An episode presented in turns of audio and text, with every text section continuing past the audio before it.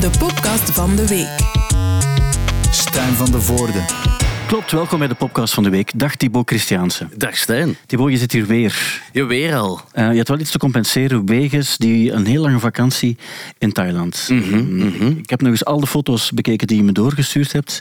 En jij beweerde dat volgens, dus volgens jou was 80% van de foto's waren echte ladyboys, terwijl ik twijfelde en ik dacht, volgens mij is het een 50-50 situatie. Ja. Um, maar nu dat die, die fascinatie van jou gedefinieerd is... En voorbij is. En voorbij is ook, denk ik dat we ons kunnen focussen op waar het echt over gaat. En dit is in deze podcast van de week de muzikale actualiteit. Mm -hmm. Het is nu het grote voordeel uh, dat er deze week komen er niet zo heel veel albums uit.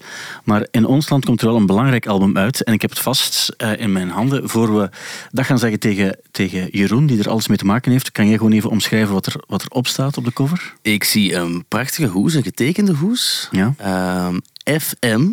En dat is de afkorting voor Freddie Mercury. Dat klopt. Dag Jeroen. Hallo. Tof dat je er bent. Ja, het is waar, je hebt een nieuw album. Hoe, hoe, voelt het dan om het album te bekijken als je het voor het eerst kreeg? Het is een vinyl, uh, mooi afgewerkt. Het lijkt op een, op een spel van MB. Dat is de, uh, de, de knipoog, om het zo te zeggen. Ja. En dan wordt dat ook getekend. Wie tekent die dingen? Wie, hoe vind je mensen die dit, die dit kunnen tekenen? Wel, wij werken al sinds het begin van uh, Freddie Mercury met dezelfde persoon die dat doet, uh, Robin. Ook iemand van bij ons in de buurt. Mhm. Mm -hmm. En ja, het gemakkelijke is, ik heb een zot idee, ik zeg dat aan die gast en hij maakt er dan nog een, uh, een veel gekkere versie van dan wat ik eigenlijk in gedachten had. Ja. En in dit geval was dat, we gaan Dr. Bibber uh, um, nadoen, maar dan op een Freddie Mercury manier. En ik denk dat het wel goed is gelukt. Ja. het is wel, ja. Ik wil niet te veel uh, uitpakken en het moet vooral niet te veel over mezelf gaan, maar ik was vroeger vrij goed in Dr. Bibber. En uh, spel, kun je, ken je dat nog, Thibaut? Want je bent meer zo van de Donkey Kong generatie en Nee, nee, ik heb dat ook Tetris. gespeeld. Ik heb ja? dat ook gespeeld, ja. Wel, op zich een uh, tof spel, maar in dit geval, ja, je, je, moet er dan een omschrijving geven en dan krijg je plots dit. Het lijkt me wel, wel fijn ook om, om zo'n soort van eigenlijk een menselijke chat, GPT, waarbij je kan zeggen, maak zo en zo en zoiets. En hij maakt het dan echt zoals het door een mens gemaakt kan worden. Uh, heel, uh, heel toffe hoes. En uh, ja, de plaat is ook helemaal af. Hoe was het om, de, om het album te maken? Ja, heel plezant. We zijn uh, gaan opnemen in de DAF Studios in Malmedy. Ja. we hebben daar twee weken gewoond. We zijn daar ook letterlijk twee weken niet buiten gekomen. Uh, wanneer dat het daar nogthans een prachtige omgeving is.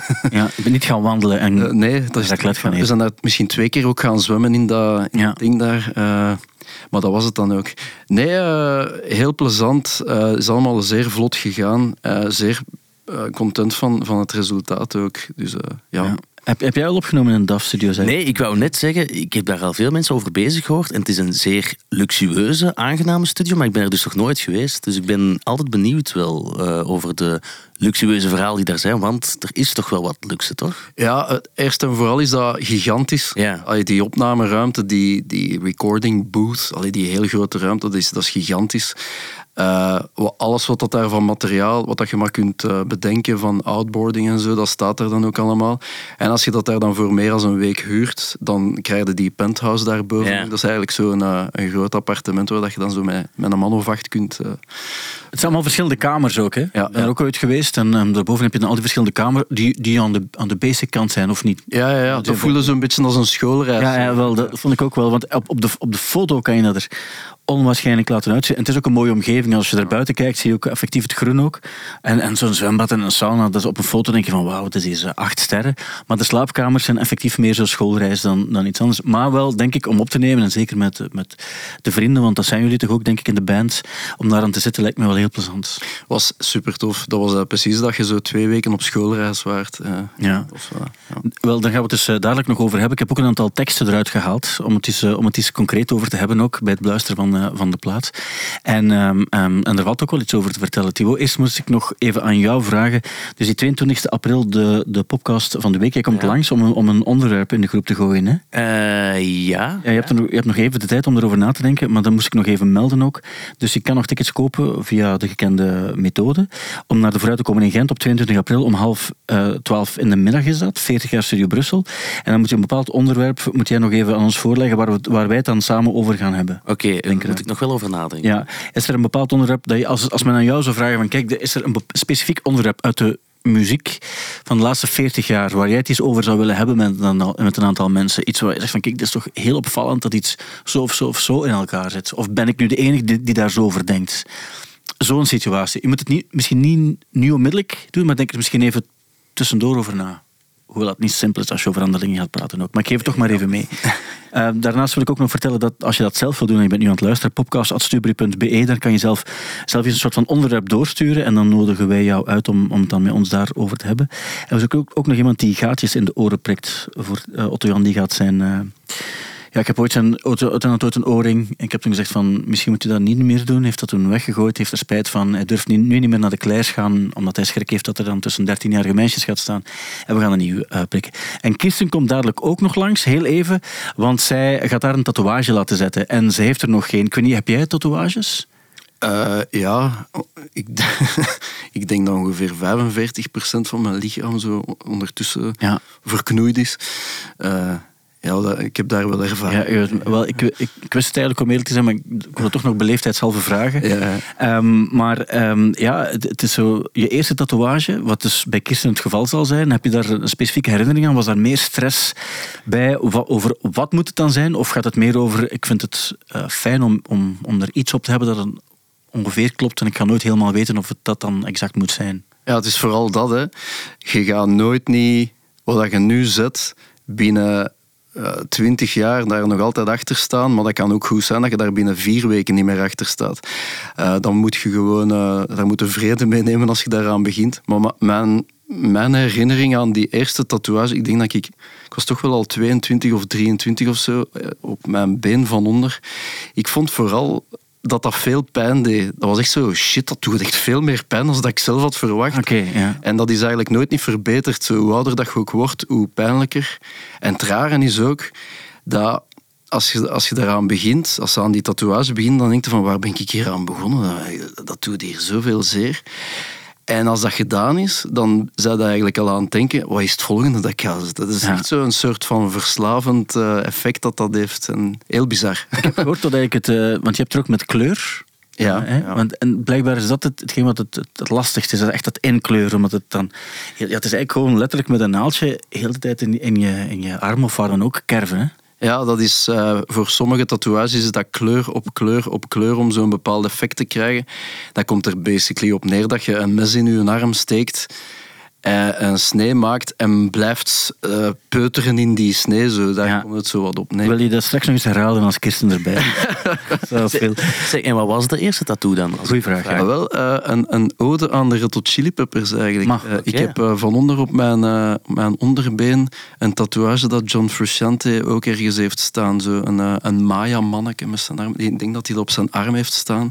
Ik ben altijd grote Chili Peppers fan geweest. Ik dacht, hier zie ik zet, ik zet dat om te beginnen. Uh, nu ziet er dat totaal niet meer uit, omdat ze die lijntjes zo ja. na zoveel jaren ja.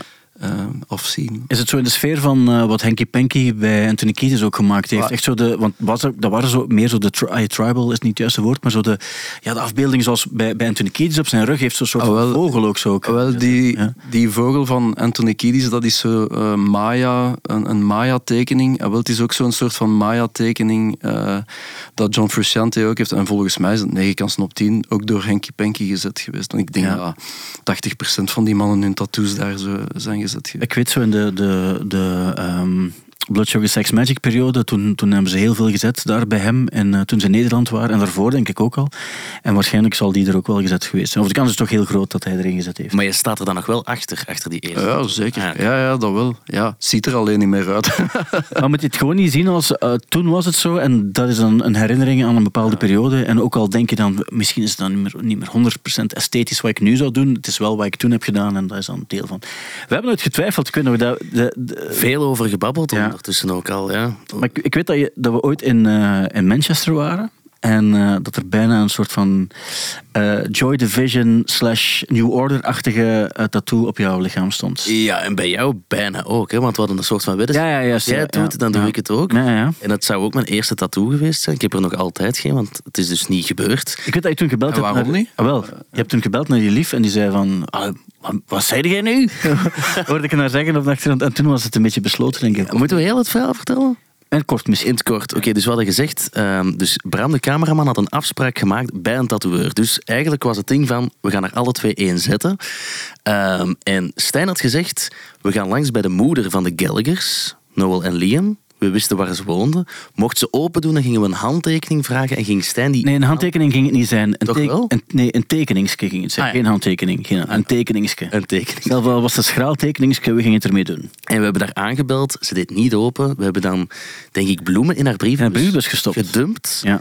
Eh, maar dan was Stijn van, ja, ze heeft niet open gedaan, dus ik ga die tattoo niet zetten. En dan dacht ik, ja, dan ga ik het ook niet doen. Ja, het was een beetje een louche verhaal, dat moet ik wel toegeven. Maar op zich had het, had het, had het gebeurd geweest, had het ook wel gebeurd geweest. Dat moet ik ook wel toegeven. Ehm, maar het was een beetje een dubbel, want we willen op zich geen mensen lastigvallen. Maar we, we, we wisten eh, toevallig via via dat het nog wel oké had geweest. met, met het vertellen van de juiste... Hadden we de juiste name dropping gedaan aan de deur, dan had het nog oké geweest. Ehm, maar zwart, het is niet gebeurd eh, daarom. Uh, Kirsten gaat het dus wel doen eh, in de vooruit, tijdens de podcast. Ja. En ehm, we weten nog niet wat. Maar het is misschien wel een geruststelling als je vertelt, niet alleen dat het kerven in, in, in, snede is en dan blijven kerven, maar vooral ook dat wat je ook zet, het is altijd een herinnering aan een specifieke periode die dan... Dus we kunnen daar ook gewoon, om die reden kunnen we dan ook gewoon voorstellen dat, dat, dat je er een prijsvraag of zo van kunt maken en dat eigenlijk het publiek kiest wat dat ze zet. Dat is, wel, dat, Dat is dan ja. eigenlijk echt wel een betekenisvolle tatoeage op dat moment. En Het zou absoluut zo zijn. Het enige ding is bij Kirsten, is die, die is veel eh, cultureler en esthetischer dan wij allemaal verwachten en denken. Het Kirsten is wel ook de persoon die vroeger naar de Biohazard concerten ging, dus we mogen haar ook niet onderschatten in, in haar rock'n'rollness. Uh, maar nu is het meer zo, uh, ja, een beetje een combinatie van indie folk en, en en canvas. Hè? Zo, een gezonde combinatie van die twee. Okay. Maar uh, wat, op een andere keer gaan we daar nog over uitweiden. Misschien in de podcast zelf. Um, maar, dus wat ik ook wilde zeggen, is dus je album, we hebben de titel nog niet uitgesproken, die is een, uh, een, een, een goede Freddie Mercury traditie. Is daar hier en daar gevoefeld met een aantal letters. Uh, um, dus en Antichrist heet, die, uh, heet het album. En er staan natuurlijk heel wat nummers op. Ze staan er allemaal op om, om, uh, om hier te Thibaut, neem jij de, de, het album is vast. En dan, ja, deze week is Nee eigenlijk als single uitgekomen. Dat is een beetje een single die gaat over rebellie en dingen die je niet ziet zitten, zoals, of niet altijd ziet zitten, zoals gaan eten bij je schoonouders en, en dat soort dingen. Mannen-emancipatie. Ja, mannen-emancipatie, daar ging het eigenlijk over. En dan komt eigenlijk nog terug in een aantal, in een aantal andere nummers, als ik dat, als ik dat zo mag zeggen. Bijvoorbeeld in het in het nummer vandaag nog wel. Zou het kunnen dat er een soort van link is tussen de twee? En ik ga even een gewoon stuk zin of een stuk tekst voorlezen. Uh, je zet dan ook rap op je tenen getrapt. Uh, kent het verschil niet tussen een hak en een grap. Uh, als we u laten doen, verstaat niemand nog iets. Ik wil u tegenhouden voor je in uw voet schiet. Um, en daarmee wil je eigenlijk zeggen dat um, amai, we moeten wel heel hard opletten op alles wat we zeggen tegenwoordig. Ja, het is eigenlijk gewoon... ik die zeg van, kijk jongens, ik wil wel. Hè. Uh, ik, ik, allee, ik bedoel, als er hier een probleem is met een of het ander, uh, dan wil ik daar gerust in, in meegaan. Maar uh, dat gaat hier zodanig snel dat, dat, je, dat je op den duur niet meer kunt volgen. En soms is het op het belachelijke af ook. En dan denk ik van, ja, maar moeten we nu echt daarna... allee, wat, moeten we dit nu doen? Ja. Komt erop neer dat, dat misschien een gevoel waar best veel mensen, of waar veel mensen mee zitten, denk ik, is hetgeen wat je omschrijft als, ik snap dat er een aantal dingen uh, wel, wel aangepast worden. Zeker. Maar op een bepaald ogenblik gaat de slinger een beetje doorslaan en krijg je bijna absurde situaties die we dan moeilijker kunnen uitleggen. Ja, het is dat. Ik, heb dat. ik weet niet meer wie dat was, maar dat is, ja, of die dat is mooi had verwoord. Dat was van, ja, het, het, het slingert echt constant. Uh, te veel naar de ene kant, te veel naar de andere kant. En op den duur zullen we dan wel zo'n soort van middenweg daarin in vinden. Mhm. Ik geloof daar ook wel in. Zo. Ik denk, ja, dat is, we zitten echt zo in een periode dat, dat, dat er wordt afgetast, denk ik. Maar het is wel soms, ik vind dat soms wel allemaal heel snel gaat. En dan dat je denkt van shit, jongen.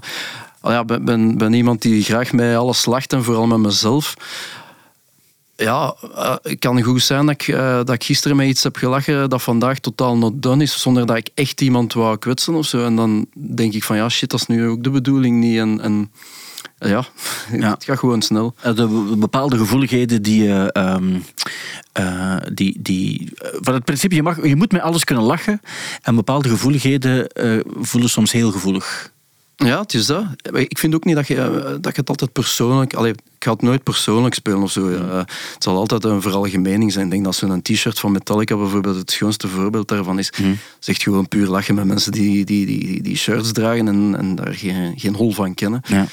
Dat is een veralgemeen. Ik heb daar niet specifiek iemand voor, uh, voor We weten allemaal over wie dat we het hebben. Nu, de reden waarom het een groot succes werd ook die, die single dan, is omdat het zo herkenbaar was, denk ik, voor veel mensen. En dan zeker ook bij, bij de liefhebbers van, van het specifieke genre waar jullie ook mee bezig zijn. Mhm. We kennen ook de, de Justin Bieber foto's enzovoort ook. van de, vooral ook letterlijk de Metallica t-shirts zijn heel vaak Metallica, Iron Maiden, Slayer ook. Die komen heel vaak terug, want dat zijn dan net de bands die niet altijd echt gekend zijn door de personen die, uh, die het dragen. Waarbij sommige artiesten die dan, die dan ook op die t-shirts staan, ook zeggen, ja oké, maar uh, het, moet kunnen, het moet kunnen, want ja, ze verkopen daardoor extra veel t-shirts waarschijnlijk ook. Ja, ze zorgen er trouwens ook gewoon zelf voor dat die shirts in, in winkels gelijk H&M liggen. Ja. We gaan daar niet onnozel over doen, het is ook gewoon zo. Ja.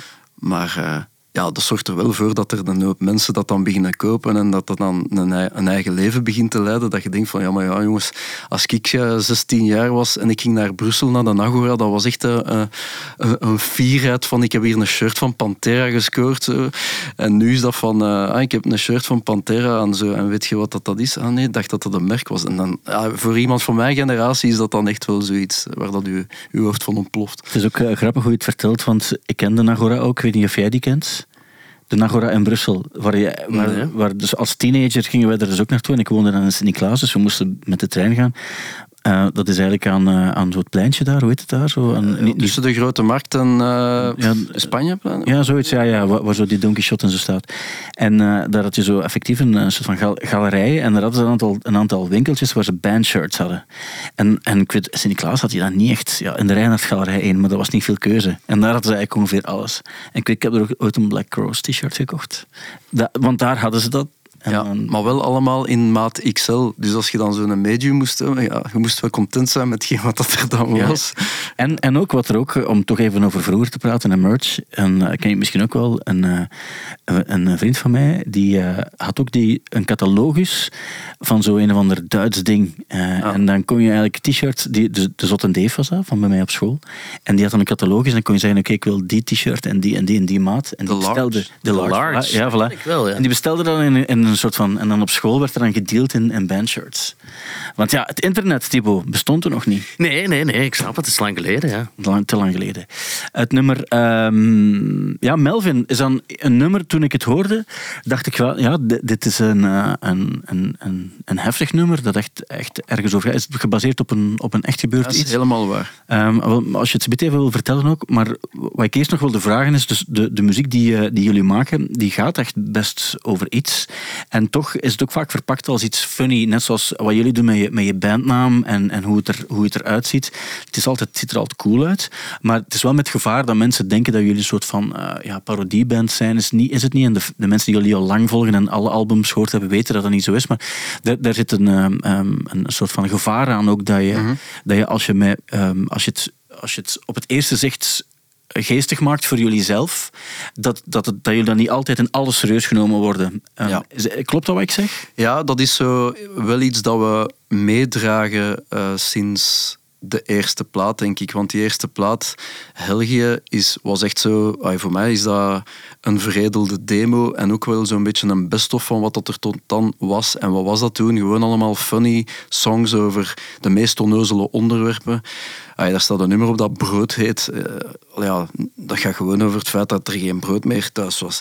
Trouwens, niks zo plezant als om op Graspop 20.000 man te horen brood mee kelen, maar dit geheel terzijde. Maar um, sinds de tweede plaats is daar dan wel zo wat serieus meer beginnen inkruipen en zo wat plaats uh, gekomen voor wat zwaardere onderwerpen. En dat is er altijd meer en meer beginnen doorcijpelen, omdat dat zo wat zijn plaats wil verdiende. En ik wou daar ook mee laten zien van, kijk je, je kunt ons zeer snel afrekenen op, ah ja, dat, ze gaan een nieuwe plaat uitbrengen, dat zal een tweede Helgië zijn en een tweede Pinker en een tweede t-shirt van Metallica en zo van die dingen.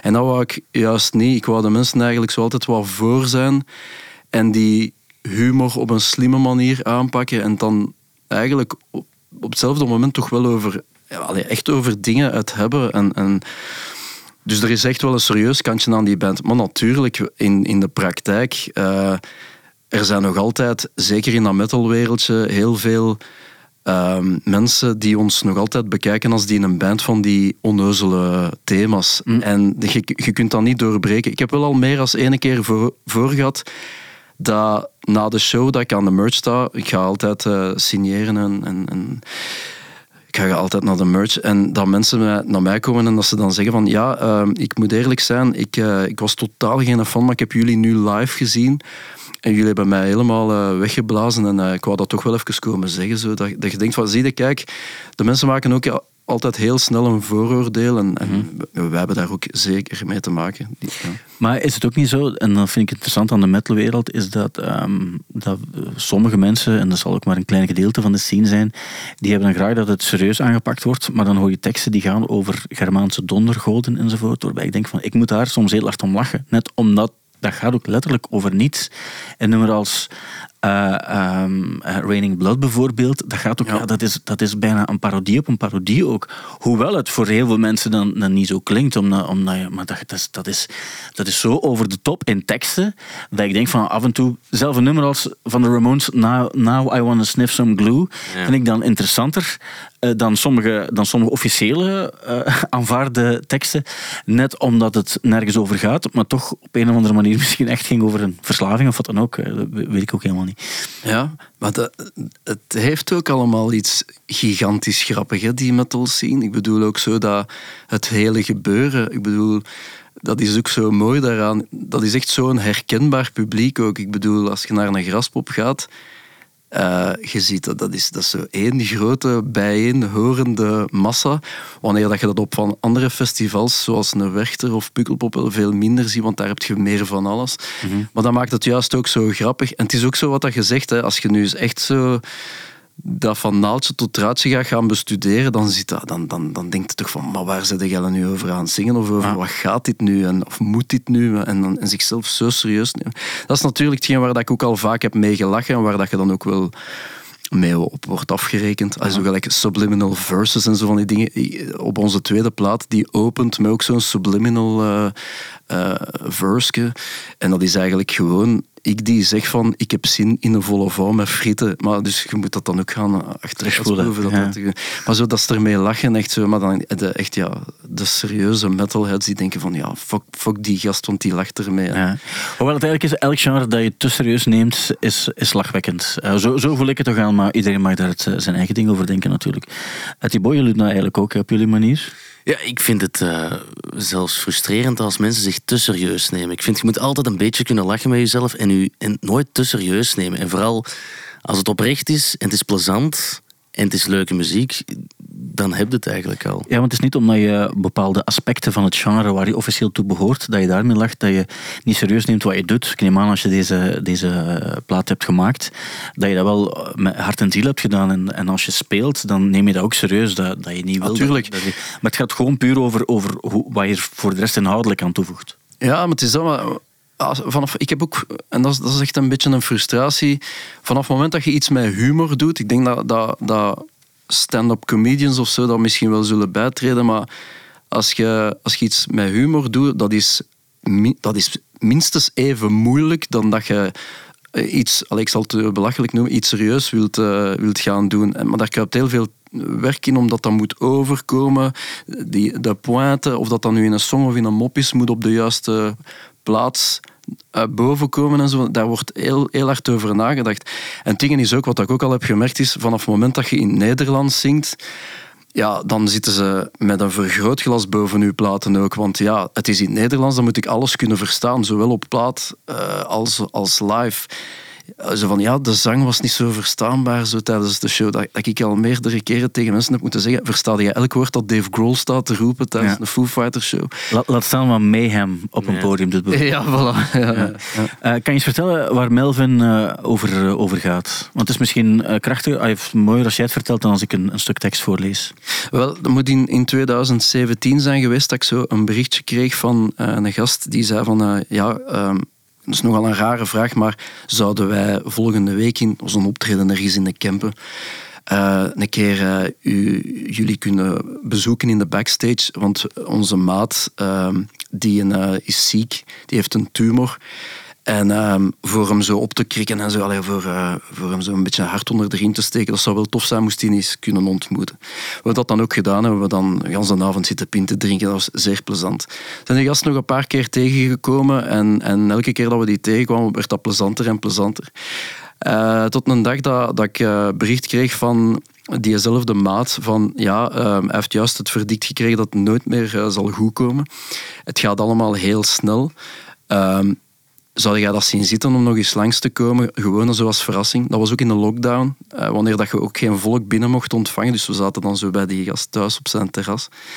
Um, en ja, die trok zich echt enorm op aan, aan, aan die muziek. En die vond het natuurlijk heel plezant dat ik daar dan was.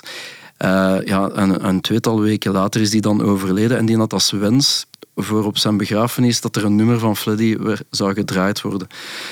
Um, en ja, heel dat verhaal heeft mij zodanig aangegrepen dat ik er zo eigenlijk achter kwam van ja, die gast heeft eigenlijk ook heel veel betekend voor mij. Dat is, ja, die, die is, dat is een fan, om dat met dat belachelijk woord eigenlijk te zeggen.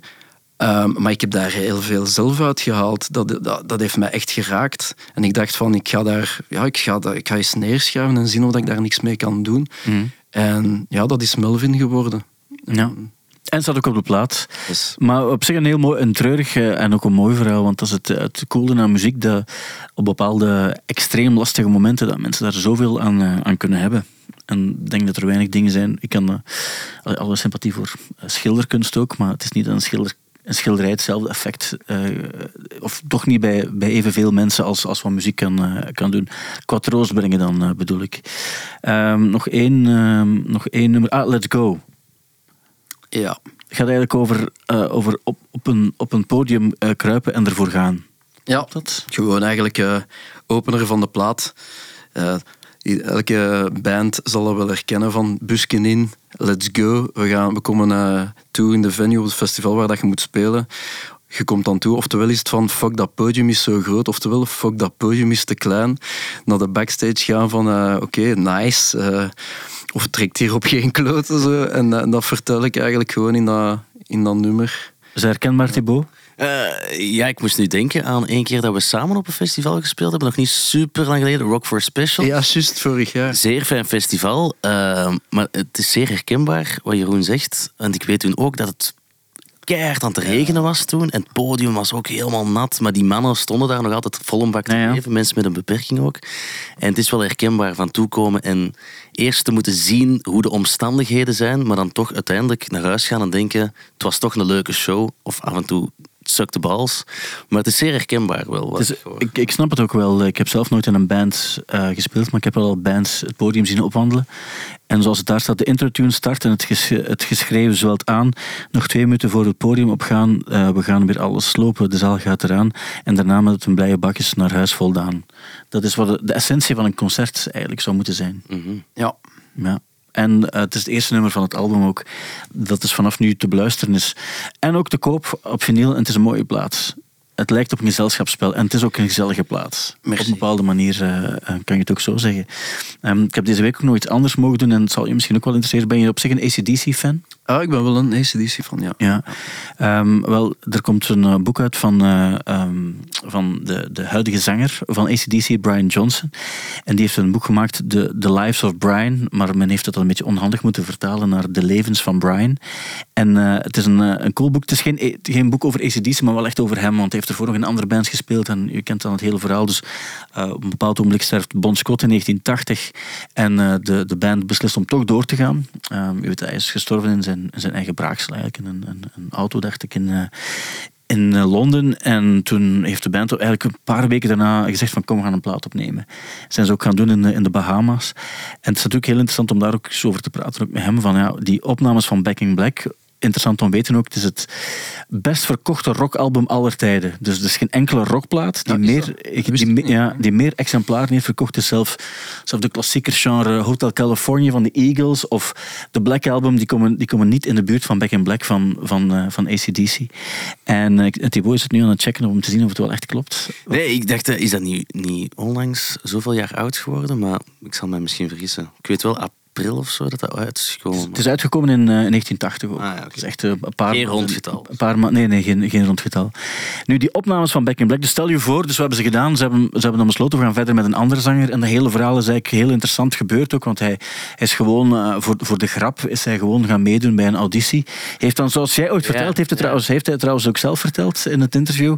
Ehm, hij heeft toen, hij heeft toen een, eh, een nummer gezongen van Ike and Tina, Nutbush eh, City Limits. En dat was blijkbaar ook de reden waarom de rest van de band hem en plots zo eruit eh, eh, eh, vond springen. Ook dat hij specifiek voor zo'n nummer heeft gekozen. En ik heb hem dus ook gevraagd, die opnames van Back in Black, dus jullie gaan dan naar de Bahama's om een album op te nemen. Je zit voor het eerst bij die band. Die band heeft al best wat fans, hè, want Highway to Hell en zo is ook wel uitgekomen. En dan moet jij het plots overnemen van iets wat in de hoofden van die, van die fans een icoon is. Hoe, hoe, hoe, hoe was die sfeer bij die opname en vooral ook hoe zenuwachtig was je? En dit was zijn antwoord. It's a chemistry that I cannot describe to you, Stan. It was a chemistry. If you think of all the things that were thrown in there, the boys have just lost their best friend and great singer, wonderful talent, great lyric writer. And he's gone, mm-hmm. just like that. So that's there. And there's a somber, well, I guess we better carry on with what we can get. You know, that kind of feeling. I'm bursting with curiosity. Malcolm said there was just like they said, by the way, y- you do write lyrics, don't you? And I went, well, I'll try.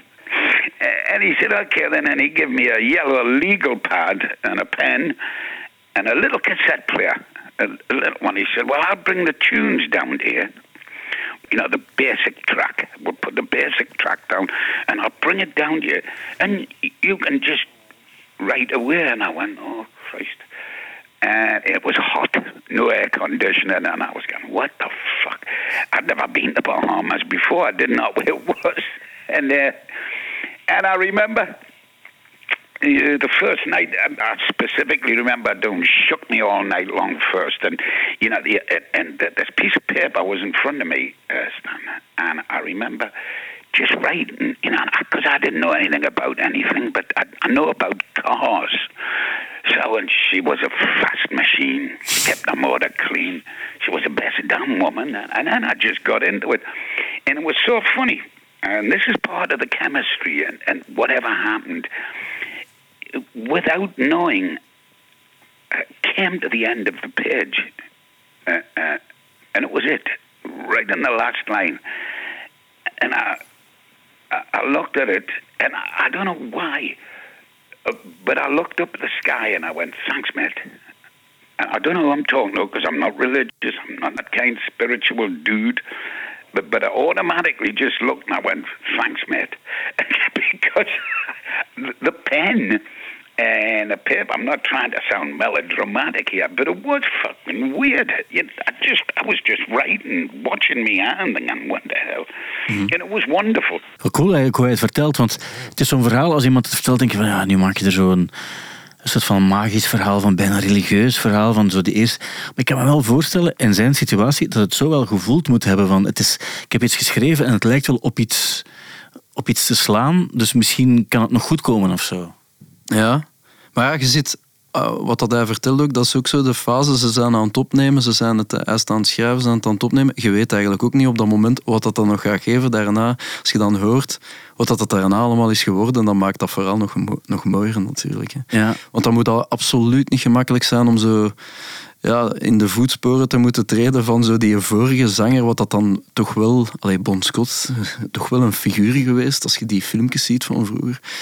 Ja, je moet even die zijn schoenen gaan vullen. Ik denk dat je wel eh, even zult stressen.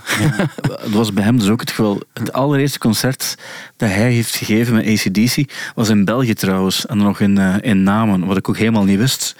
Maar hij wist het wel nog heel goed. En ehm, ehm, daar heeft hij eigenlijk ook voor het eerst het gevoel gekregen: oké, ik word nog wel aanvaard door de fans. Wat voor hem ook een enorme opluchting was. I rang up and said, okay, we're going to do a, a warm-up gig in Belgium, Namur.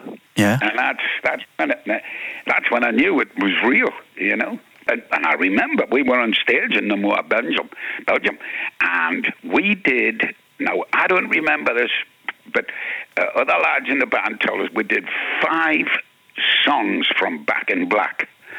And Back in Black wasn't even out yet. So to the audience, these were brand new songs. And it was amazing because they started to sing along with the choruses. It was it, it was just uh, incredible, Stan. I cannot I, cannot tell you uh, what a wonderful night that was. You know, because all the banners were up. R.I.P. Bon. We we love you and miss you, and then right in the middle. Uh, it was just this big double banner it just said welcome brian and good luck Wow. hey that changed my life i just looked and i was close i was choking up i was going "Mm." It was a it was a, a wonderful experience you know It's nice to hear that Belgium was also a little bit important when you took your first steps in ACDC then. Yes, that was the very first night. Stan, It was a new one of them Euro halls. It was all metal and you know brand new. And uh, the, before we went on, I was pacing back and forward trying to remember all the words, you know, and the songs and everything. And the manager came and he said, "Hang on, hang on, we're not going to go on yet. There's another thousand people turned up, and we'll have to get them in." And so I said, How is it's packed? And they said, Well, it's one of them new halls. They just pushed the sides out, Stan. You know, it was fucking amazing. We'd never seen anything like it. And then another thousand, and then another thousand.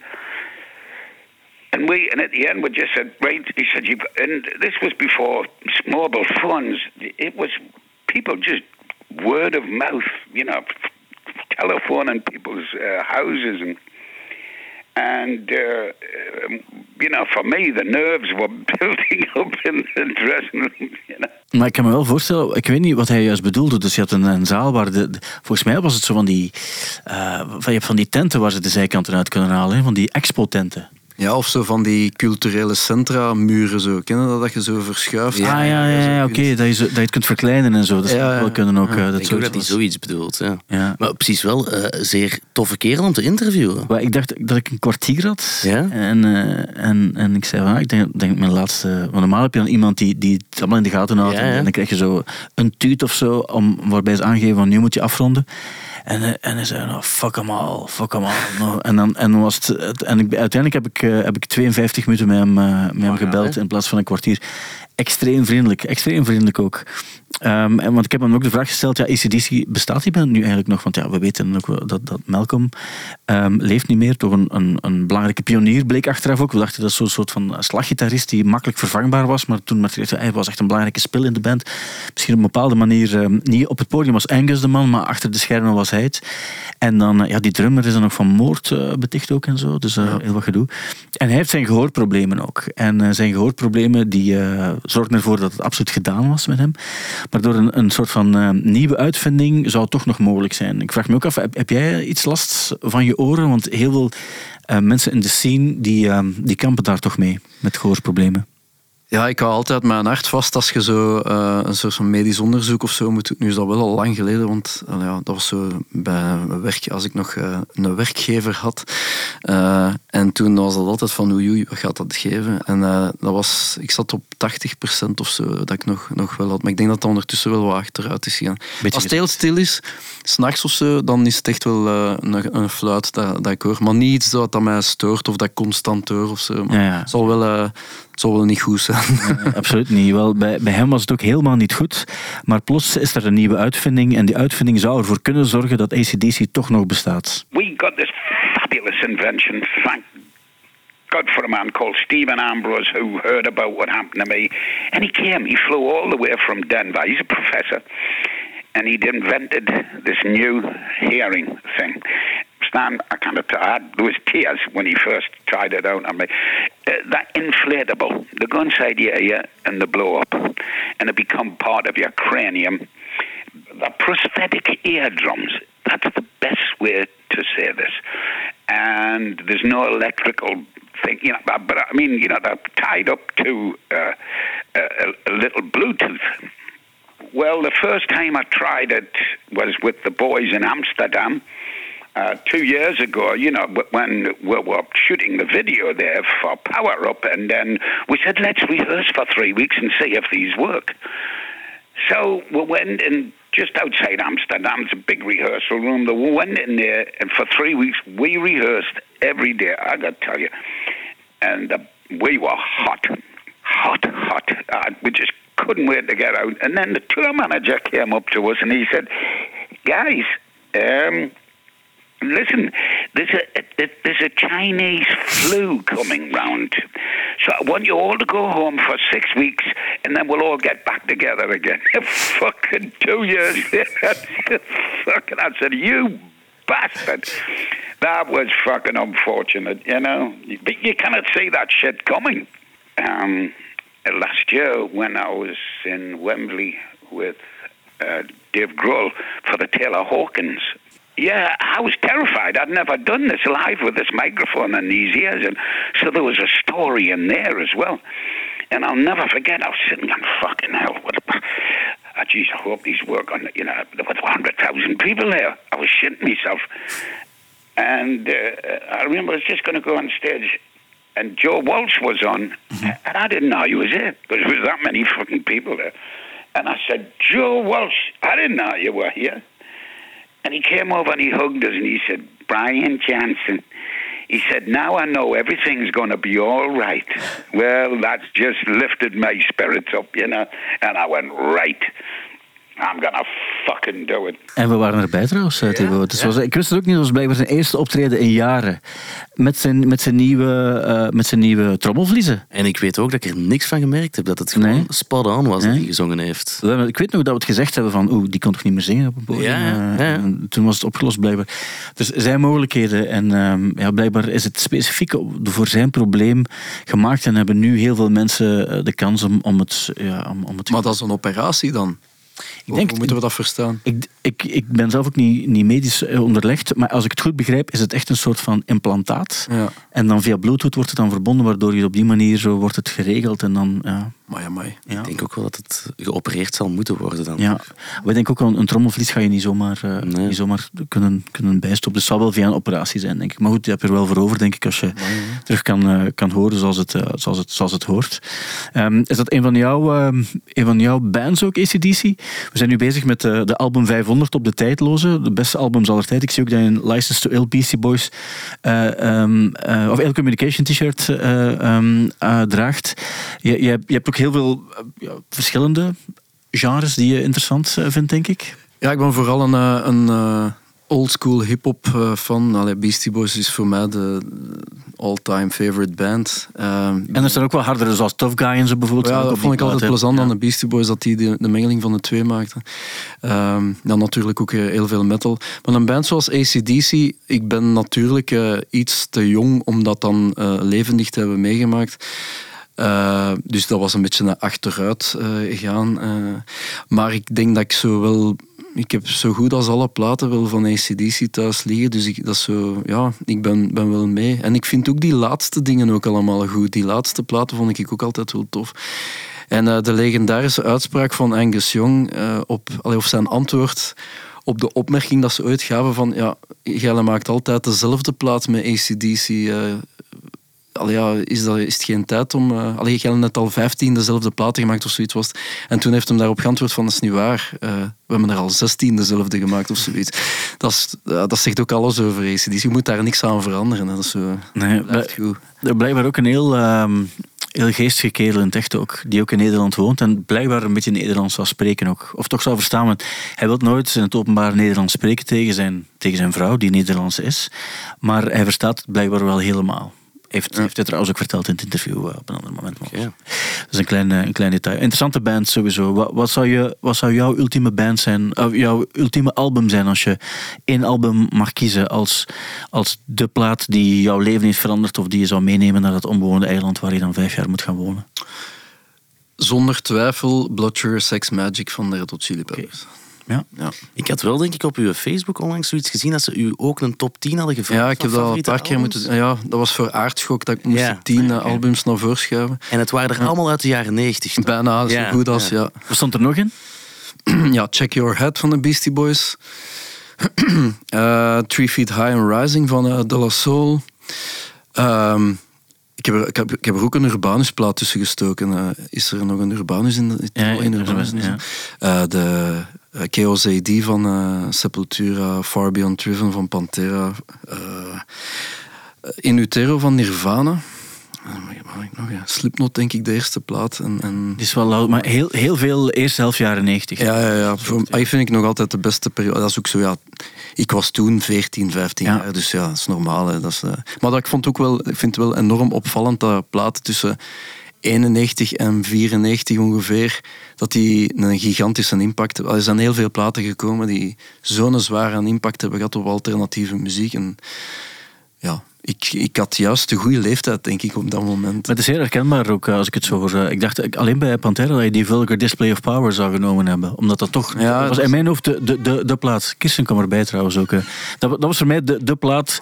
maar dat, is, dat, is, dat is heel persoonlijk. Waarschijnlijk omdat je op school toen net iets meer beluisterd werd dan die andere platen. ook. Inderdaad. Ehm, eh, dag Kirsten. Hallo. Kirsten, eh, eh, pak gerust de, de microfoon iets dichter. We hebben het net al gehad over jou trouwens. Ehm, Ah, ah. ehm, en Jeroen is hier ook trouwens. Dag Jeroen. Kirsten, Kirsten, Jeroen, Jeroen. Kirsten. Hallo. ja, je moest van parking Oost komen, wat eigenlijk veel verder is dan van waar wij geparkeerd staan. Ja. Vandaar dat je, dat je iets later bent. Ja. Maar ehm, dit ging eigenlijk over, over eh, de tattoo eh, en, het inkleuren van een tattoo. We vroegen ons af of het in kleur is. Want als het in kleur is, dan maak, maak je eigenlijk, is het alsof je een sneetje maakt in je arm en dat je dan erin blijft koteren en koteren en koteren en koteren. Het grappige is dat Jeroen, dat kunnen mensen nu niet zien, maar dat hij direct zijn sleeves oprolt, zodat ik kan zien, Ja. het staat vol. Ja, om je schrik te doen krijgen. Ah, ja, ja, ja. Maar dus zoiets gaat het niet worden? Nee, Nee, ik ga geen kleur doen. nee, je gaat geen kleur doen. Nee. En je ging ook nog niet vertellen wat het exact was, behalve dan dat jouw eerste idee van een plant, dat gaat Dat ook niet door. Nee. Maar je hebt wel contact gehad met de persoon die het gaat doen, hè? Ja, hoe ging ja, dat alweer? Ehm, wel, dus ik ga, ik ga volgende week heb ik afgesproken en dan gaan wij even samen zitten. Ik weet niet hoe lang dat, dat gaat duren of zo, maar dus dan ga ik uitleggen wat ik in gedachten heb, waarover het dan zou moeten gaan, wat er op de plek gaat komen die het wordt. Ehm, en dan gaan we daarover praten en dan ga ik wat ideetjes, ik heb, ik heb wat foto's en zo zelfs, qua... Maar ik ga, ik ga nog niet zeggen want anders is. De plek is al beslist, denk het, ja. Maar dat ga je ook nog niet zeggen. Maar ja, ik denk sowieso ergens op mijn arm. Als je op je arm. Ja. Want eh, vooral duidelijkheid, dit is eh, het nieuwe album van, eh van Freddie Mercury, eh Antichrist. En de manier waarop dit ontwerp is, is gemaakt is zoals de andere ontwerpen. Ja. Het is eigenlijk zo, Jeroen geeft een soort van een, een chat eh, GPT-achtige commando, maar dan aan, aan een vormgever, aan een tekenaar. Ja. En die maakt, dan, die maakt daar dan iets van. Ja, ja, En ja. dat is ongeveer hetzelfde ook zoals het bij jou gaat gebeuren. Ja, dat is iets- blijkbaar is de persoon die dus gaat tatoeëren, die, dat is ook een psychologe. Dus, ze- ja, ja, maar het, dus ik, ik, ik, het is de eerste keer, hè, dus ik weet ook niet hoe het gaat gaan. Dus we gaan eerst een gesprek hebben over wat ik wil, waarom ik dat wil waarschijnlijk. Hè, want daar is al veel tijd over gegaan, maar nu gaat die daar nog eens in peuteren, denk ik. En dan gaan we komen tot het ontwerp. Dat, En, het- en moet je dan ook op zo'n bank gaan liggen? dat denk ik niet, nee, dat weet ik Ga je niet. moeten zoomen. Nee, dat, ik, ik, Dat is gewoon een verkoopstruc volgens mij. Die, je gaat zo eindigen met een full sleeve. eigenlijk wil ik dat heel diep, wil ik eigenlijk een full sleeve en nog iets op mijn knie ook of zo. Ja, Nee. dat is zo van, ehm, van 7 tot 70 maal. En dat je dan echt zeven keer zo groot buiten komt. Ja, stel je voor. Ehm. Ja, we hebben ook maar een uurtijd om te Ja, een natuurlijk. Moet wel op een ja. bepaalde tijd... eh, Ja. Ja, want is er nog, nog een, want we hebben het er ook gehad over, over het feit... ehm, eh, misschien zonde voor de mensen die het al eens gehoord hebben, maar Ja. ik wil het ook wel even doorvertellen in de hoop dat ik het juist vertel. En dan kan Jeroen mij nog corrigeren als het nodig is. Hm? Maar dus als je nu iets zou zetten waarbij je denkt van... Oh, maar ga ik dit over vijf jaar nog wel leuk Mhm. vinden?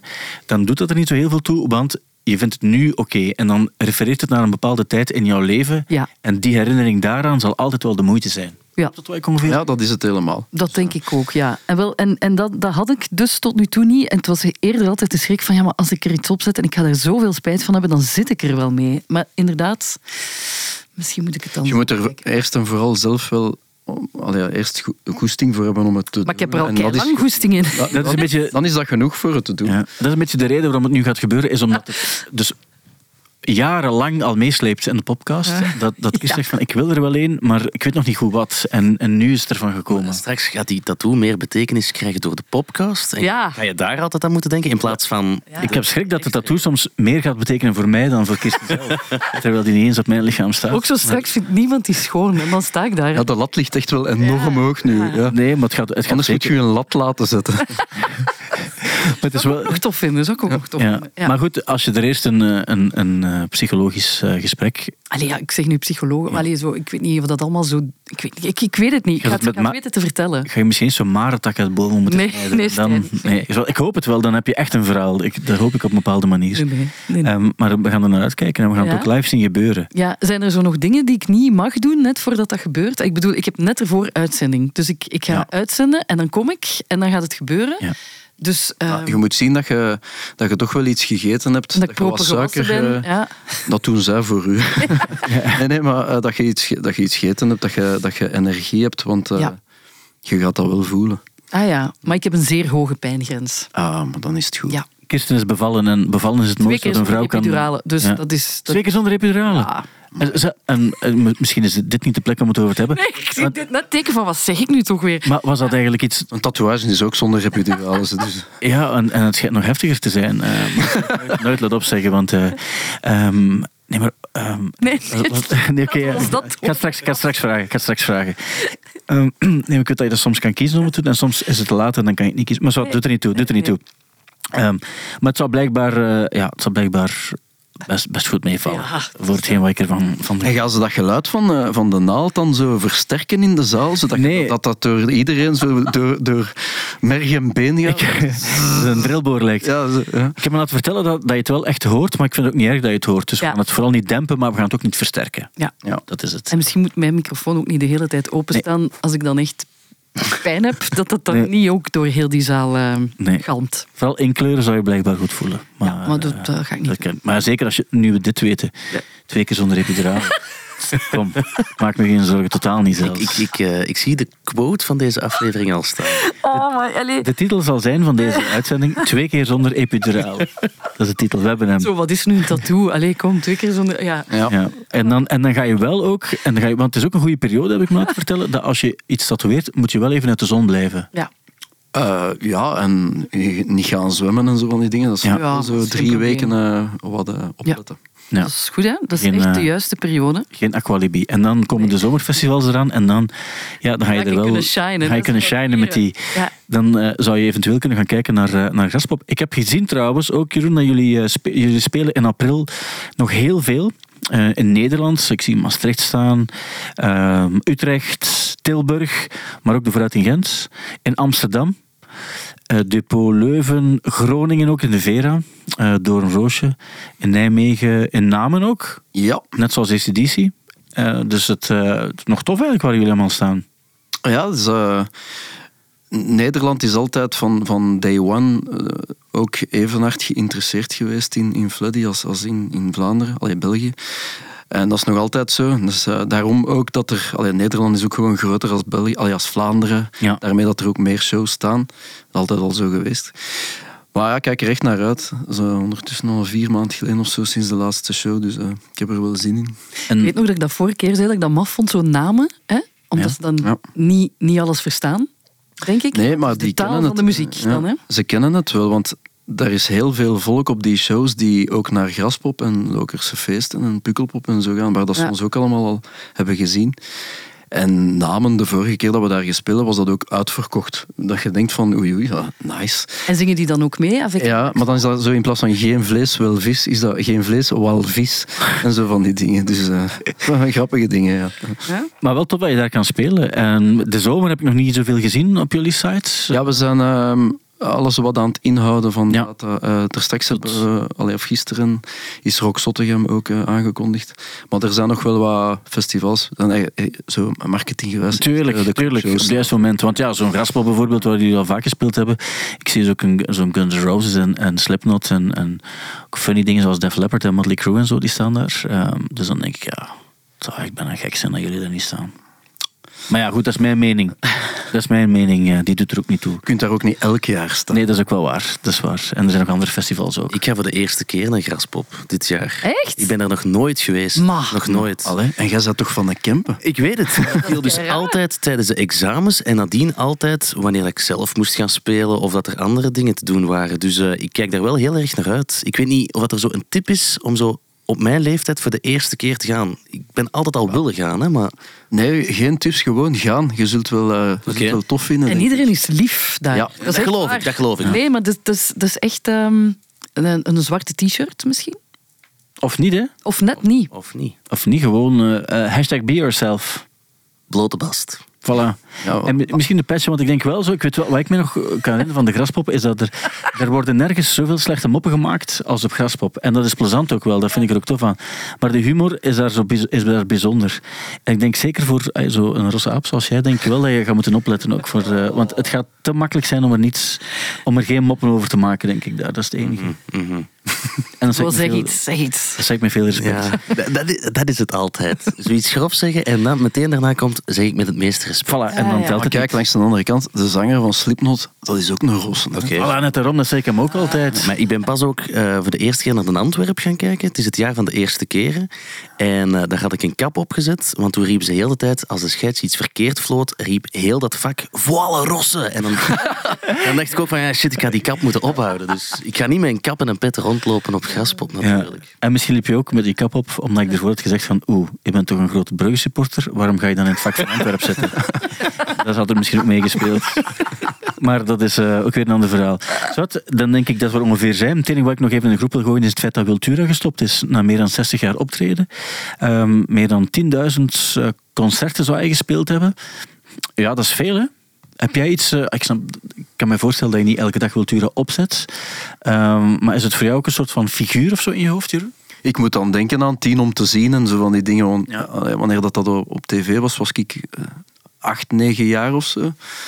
En dan was dat mooi, het leven is mooi, dat dan op tv werd geplayback. Denk ik dat dat toch wel playback was. Ja, ja. Of absoluut. Movento. Moment toch, ja. Dat was het ding. Een van de beste eh, Belgische hip-hop songs ooit gemaakt. Ja, samen met Krapulkesdag van Kia. Ja. Ik, ik moest lachen toen ik naar de ochtend van Studio Brussel aan het luisteren was en ik hoorde onze ex-collega ehm, Jasper? Jasper, die vertelde van ja, hij heeft ook allerlei genres eh, bespeeld, zoals dit en dit en hip-hop. En ik dacht van wacht, Ja, ja. zijn we nu Movent toch? Dat is het enige ding bij. Ik ken ook Wiltura als de Noorderwind. En dat ons eerlijk zijn. Ik snap ook wel die haar. Ik snap het, het iconisch gehalte van, van Wiltura volledig. Maar het enige. Ja. We Ja, moeten- ik denk dat wij daar gewoon helemaal niet in thuis zijn. Want voor mij eh, overstijgt Wiltura zo dat slager gegeven. Want we moeten kunnen dat slager noemen. Ik denk, maar ik denk, zijn jaren 90, zijn tien om te zien periode, dat was ook een slag. Dat was slager, De Noorderwind. Maar ik snap ook wel zo van die, die andere. eh, zo, ehm, eh, dan? ja, wat, nee, maar zo die andere. ehm, Eenzaam. een- eenzaam zonder. Dat Ja. snap ik wel nog. Dat vind ik zo echt zo een levenslied. Ja. Dat vind ik meer zo de André Hazes tour opgaan. En daar ben ik dan wel mee mee. Ja. Maar zo, maar zo het, het, het, in de jaren 90, voor alle duidelijkheid, Wiltura. Dat was shit wat hij maakte eigenlijk. Hè. Maar in de jaren 60, 70 denk ik wel dat, dat zijn pure levensliedjes.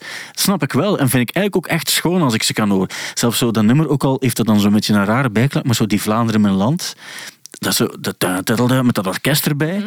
dan, dan los van het feit dat dat nu misschien wel misbruikt wordt door bepaalde eh, groeperingen, vind ik dat wel echt een cool nummer als ik het zo hoor. Maar ik, ik denk in, in, de, de, de, in onze tijd, en dan heb ik het over onze, onze drieën, dan was Wiltura echt niet, niet, de, niet, niet, niet, niet de muziek, denk ik, waar we echt warm van werden. ze hebben dat wel een paar keer willen cool eh, maken door Turalura en zo van die Ja, dingen. juist. Ja. Maar die coverde dat wel nummers die op zich wel nog cool waren, denk ik. Ik denk zo die, zo die Arme, Arme Joe-nummers enzovoort, dat dat dan, of, of wat Triggerfinger nu ook gedaan heeft, dat zijn dan wel nog de, de mooie Bultura-nummers voor mij. Niemand heeft daar de Noorderwind, denk ik, gecoverd. Of, eh, of Movent toch, of zo. Geen idee. Dat, is heel lang geleden. Nee, dus ik denk dat zij dan ook de, de, zo misschien de, een andere selectie maakt. Dus vooral duidelijkheid, voor ik er op een, op een of andere manier... Ja, je bent het weer met het meeste respect aan het zeggen. ik het, maar ik meen het ook wel, want ik, ik heb oprecht respect voor de figuur Wiltura en alles wat hij heeft gedaan. Ik denk gewoon de, de periode waarin ik muzikaal opgegroeid ben, dat dat, dan niet zijn, zijn glorieperiode is geweest. Maar anderzijds, Bob Dylan heeft in de jaren tachtig ook ehm, gospel gemaakt. Allee, om maar één één vergelijking te maken. Eh, Oké, voor het inderdaad kapot maken, want het is goed dat je mijn signaal Ja, ik heeft, denk dat, eh, eh, is goed dat je met die, want voor hetzelfde geld, en ik hoop dat het niet zo zal zijn, hij is 82 nu, als hij dan eh, zou komen te gaan, Wiltura, wat ik hem absoluut niet toewens, dan ben ik degene die slecht gesproken heeft over Wiltura, en dat is absoluut dus niet hetgeen wat ik wil doen. Goed dat we het eh, nog net op tijd hebben kunnen redden. Is dat zo? Ja, dat is gelukt, hè? denk ik. Oké, ehm, dan denk ik dat we nog één keer kunnen vertellen dat het album eh, Antichrist van Freddie Mercury eh, te koop is en ook te beluisteren is via alle streamingdiensten. Uh, Thibaut, wat, wat wil jij nog vertellen? Want die plaat, dat, dat blijft wachten, denk ik, hè, van jullie. Eh, we zitten niet komende week, maar de week erop zitten we in de studio. Juist, dat was het, En ja. dan eh, gaat er een groot stuk al opgenomen zijn. Voor de zomer een single? Nee, Nee. dat denk ik niet. Nee, voor de zomer. Maar wel 21 april dus, waar we ook een DJ-set mogen Ja. doen op 40 uur van Stubru. En dat is de enige show die we voorlopig gaan spelen. Ja, vooral duidelijkheid, het wordt een interessante avond, want dus jij gaat spelen met de band. Daarna gaan wij eh, plaatjes draaien. En dan de, een paar uur daarna gaan we de podcast van de week live doen. Ja, en dan moet ik met Fien een blog presenteren. En dan mag ik de aankondigingen doen wanneer Steak, Psychonaut en Brutus komen spelen. Dus echt wel de moeite om te komen naar die 40 uur van Stubru. We gaan niet moe zijn. En ook Nee. op die plaats gaat, eh, gaat ook de tattoo geplaatst worden. Zeker. En dan, eh, ja, Jeroen, heel veel succes met de plaat natuurlijk ook. Merci. En ook met de concerten die eraan komen, de festivals. En ook het, eh, het eerste Belgische concert is dan op 20 april in de Vooruit in Gent. Maar je kan ook nog op 26 april naar Depot in Leuven gaan. Nog zoveel andere mogelijkheden ook. Of naar, ga eens naar Namen. Dan heb je die stad ook nog Maar dat is heel snel uitverkocht. Ook Ja. was het uitverkocht. 20 april en de vooruit. Ja, dat is eigenlijk de dag voor eh, jullie Ja, ah, feest. Ja, dat is Ja, net aan het denken, ja. Ja. Ah, ja. Toevallig, Ja. toevallig. En 11 mei dan eh, in Namen, mocht je toch willen gaan. Helemaal, eh, helemaal goed. Dankjewel om, eh, om te luisteren. En misschien moeten we afsluiten met de, de tip van, eh, van Bon Scott van ACDC. Hij heeft mij helemaal op het einde nog een levensmotto gedeeld. Ehm, ik zei van, bedankt, bedankt om, eh, om met, met mij te willen praten. En, en ik ga het doorgeven aan alle mensen in België. En toen onderbrak hij mij en toen zei hij, ik heb nog een levensmotto dat ik wil delen. Uh, live by my motto. Fuck 'em all. I'll try. Fuck 'em all. Get me, son. You take care, Stan. It was lovely talking to you. Ta-da. Bye. Oh, En het was ook eh, lovely talking to you. En, en voilà, onthoud het wat eh Bon Scott heeft gedeeld met ons. Ik vind die tada vond ik heel leuk ook. Super, super lieve kerel. Oprecht eh, heel lieve kerel. Eh, en eh, als er nu iemand is waarmee je, behalve dan met jullie natuurlijk, waar je iets mee wil gaan drinken binnenkort, is het wel met, met hem. En hij zou het zelf ook nog oké vinden, denk ik. Dus dankjewel om te luisteren ook naar de podcast van de week. En heel graag tot de volgende keer. Dan is het met Thibaut Christiaanse. Ja, ik moet nog gasten vinden. Ja, maar dat kan geen probleem zijn. En ehm, dan, ehm, ja, dan tot, tot Seja isso não.